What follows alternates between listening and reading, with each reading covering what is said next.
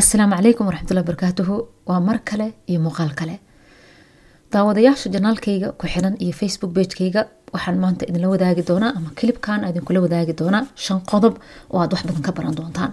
Shantaasi qodob waxay si gaar ah wax uga faa-iideysan kara qof kasta ee soomaali ah ee ku hadla af soomaali qodobka koowaad ee aan rabaa maanta inaan idinkula wadaago halkan ama aan doonaya kilibkan inaan kugula wadaago samee qaladaad badan si aad u gaarta hadafyadaada ama guusha aad doonaysa aad u gaartid. Daawadayaal sidaad ogtihiinba qof kasta ee adduunkan ku nool ee caqali leh ee qof weyn ah ee qaangaar ah waxa uu niyada ku haya ama uu ku riyoonayaa hami uu leeyahay isla uu doonaya inuu gaaro.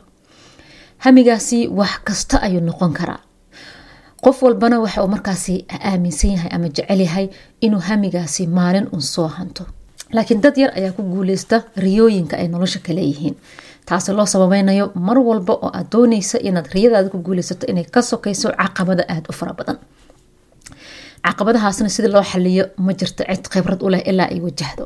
Way kala duduwnaan karaan laakiin ilaa aad wajahda ma ogaan karto. Sidaa darteeda waxaa jirta baaritaano badan ama staatiska badan oo laga sameeyey oo la ogaaday qof kasta oo nolosha ku guuleysta ama dhaqaalaha noqdo ama nolol kaloo caadaha noqoto in uu ku guuleysta kadib marka uu qaladaad badan sameeyo qofna iskama abaari kara waxa uu doonaya toos isagoo aan qalad gelin. Dadka markaa guuldarada ee ku dhacda ee aan nolosha ku guuleysan badana waxay ka cararaan qaladaad. Inay qaladaad galaan ay ka cararaan inay qaladaad galaan ay ka baqaan. Laakiin qaladaadka oo la wajaha waxaa lagu bartaa ama lagu gaaraa horumarka guusha iyo nolosha aad dooneysa ayaa lagu gaaraa.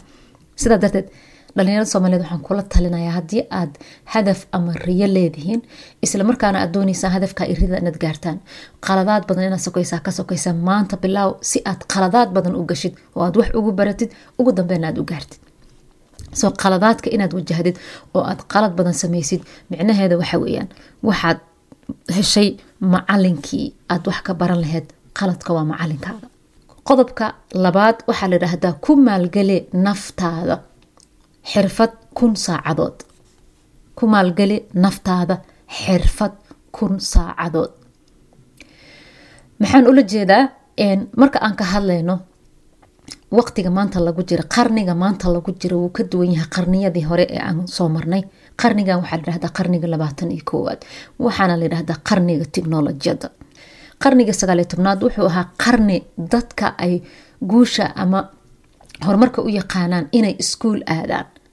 Dugsi hoose ka baxaan dugsi sare ka baxaan bacular degree diyaariyaan master degree diyaariyaan b h d diyaariyaan. Markaas ayaa qofka uu aaminsana inuu guuleysto laakiin maanta qarniga lagu jiro waa ay ka duwan tahay taas waxaana layidhahdaa qarniga tiknolojiyadda qofka isagoo aan iskuul aadin ayuu wuxuu baran karaa ama noqon karaa qof b h d ah. Sidaa darteed waxaa loo baahanya qofka maanta nool xilligan rabo inuu horumar sameeyo nuucu doono ha noqdee? Waa inuu bartaa xirfad. Xirfad inaad barato iskuul kuuma dhigayo. Iskuul inta tagtid xirfad kama baranaysid. Waxaa lagaa rabaa marka inaad adiga ismaalgelisid oo aad qorshaysatid xirfadaha aad baranaysid kadibna aad gelisid kun saacadood kun saacadood maxaan ka wadaa markaa kun saacadood waxaa la yidhaahdaa inaad maalintii laba saac xirfad geliso laba iyo toban bilood. Ku dhufo laba iyo toban bilood imisaa maalmood ayaa ku jirto? Saddex boqol iyo lixdan maalmood ayaa ku jirto. Saddex boqol iyo lixdan maalmood laba ku dhufo. Kun ayay noqonaysaa. Kunkaa saacadood waa inaad ku maalgelisaa xirfad. Haddii maalintii aad saddex xirfadood maalgelisid mid kastana laba saacadood aad gelisid sanadka markuu dhammaado maxaa kuu soo baxayo saddex kun oo saacadood xirfado aad gelisay oo aad master ku tahay. Master weliba b h d aad ku noqonaysaa xirfadaasi. Marka loo eego dhinac cilmiga. Marka adduunka maanta saas ayuu u shaqeeyaa. Cilmiga maanta adiga adoo gurigaada jooga ayaad malaayiin baran kartaa xirfado.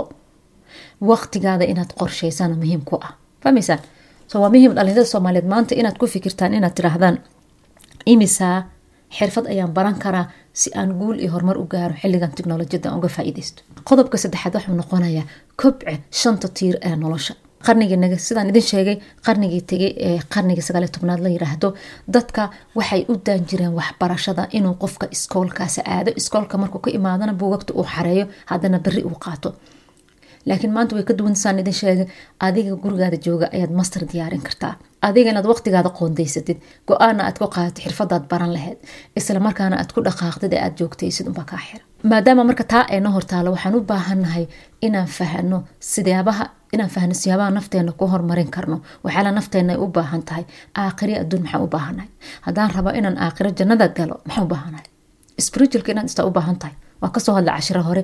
Spiritual intellectual physically emotionally and financially. Waa shanta tiir ee nolosha ay ku dhisantahay ee loo maro ee la saxo haddii aad doonaysa inaad horumar gaarto aakhiri adduunba so muhiim inaad maalgelisaa maalintii laba saacadooda ka mid ah shanta tiir maalgeli.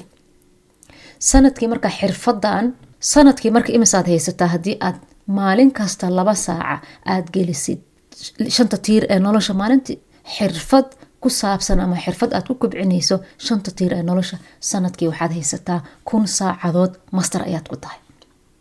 Saa darteed waxaa muhiima inaad u qoondeysid kun saacadood inaad ku hormarisid maalin kastana laba saacadood ka mid noloshaada aad gelisid. Dad badanaa ku guuleystay maantana adiga waqti ayaad haysataa adigoo aan iskuul tegin ayaad maskaxdaada kobcin kartaa ee aad dhisi kartaa welibana aad noqon kartaa master. Qodobka afraad ee maanta adila wadaagaya waxa weeyaan waqtigaada ilaashow waxa ugu muhiimsan nolosha waa waqti. Dadka qaar waxay yidhaahdaan time is money. Time money ma aha. Sababtoo ah maanta haddaad malyan lacag haysatid oo waqti aad raadisid ma iibsan kartid waqtiga. Sidoo kale islaami kale ilaahi subxaanahu watacaala wuxuu yiri waqti ayaan ku siiyey. Waana kugula xisaabtamayaa. Waqtiga lagu siiyey maxaa lagugula xisaabtamayaa maalintii qayaama maxaad ku qabatay waqtiga aan ku siiyey cimrigii cimriga aan ku siiyey maxaad ku qabatay ilahi kugula xisaabtamayaa marka aan u soo laabano xirfadaha iyo nolosha caadiga ah sidoo kale waqtiga waxa aad gelisid waa lagu faa-iidaa. Muhiim marka qofka inuu kaca waqti hore inuu qofka ka faa-iideysto waqtigiisa. Oo aad toostid laba saaca ka hor intay dadka toosin maalin kasta haddii aad toosid ee laba saacadood aad gelisid noloshaada. Sanadkii waxaad gelisay kun saacadood oo master ah. Kun saacadood oo qiimo badan oo waqti hore ayaad gelisa marka maalgeli naftaada oo ku maalgeli subixii dadka intaysan kocin habeenkii hore afarta iyo weliba haddii aad ka hormarin kartid kac laba saacadood geli wax adiga waxtar kuu leh. Ilaah kuu dhaweynayo dantaada ku gaarsiinayo cilmi waxa aad rabtay ama xirfad barashadeeda ah geli. Waqtigana ka faa-iideyso. Maalintii qorshee waqtigaada saacad kasta meesha ay kaaga baxaysa maalintii afar labaatankii saac waxaa lagu siiyey kun afar boqol afartan iyo afar daqiiqadood. Habeenkii isweydii inteebay kaaga baxeen daqiiqadahaasi. Labiyo tobankaa saacadood maxaa huruday? Maxaad wax wanaagsan ka shaqeynaysay xaggay kaaga baxeen? Maxaa yeele waqtigaada haddii aad ku daawatid musasal aan danka ugu jirin? Futbol ama ciyaaro adiga aysan danka ugu jirin aad ku daawatid waqtigaada haddii aad ku daawatid ama aad ku lumisay social mediaha maxaa kilibkan maxay tiri hebel heblaya is haystay nin inaagbaa is haystay. Haddii waqtigaada aad ku dhumisay ugu waqtiga kama aad faa-iideysanan waqtiga lacag laguma helo waa qaali mana helaysid hadduu ku dhaafa. Lagama yaabo maanta oo kale inay kugu soo noqoto sanadka iyo waqtiga iyo saacadda maanta aad haysatid dib kuguma soo laabanayso. Sidaa darteed muhiim waa inaad ka faa-iideysataan waqtiga aadna aad u ilaalisaan waqtigiinana aad ka faa-iideysataan qodobka shanaad raadso qof ku dhiirageliya ee tamar ku siiya. Sida coach consultant ama mentor. Badanaa dadkeena gaarahaan soomaalida ah ma naqaano inaan coach qabsano. Umaana baranin inaan raadsano mentor ama la taliyo tala naga siiya iyo coach oo ah tababarena dhiirigeliyo sidaa aragtaan dadkiina daawadaa ciyaaraha waxaad aragtaan kooxaha ciyaaraha koox kasta waxay leeyihiin coach ay leeyihiin. Qofkaasi coachka u ah shidaal ayuu u yahay. Waa dhiirageliyaha ay haystaan.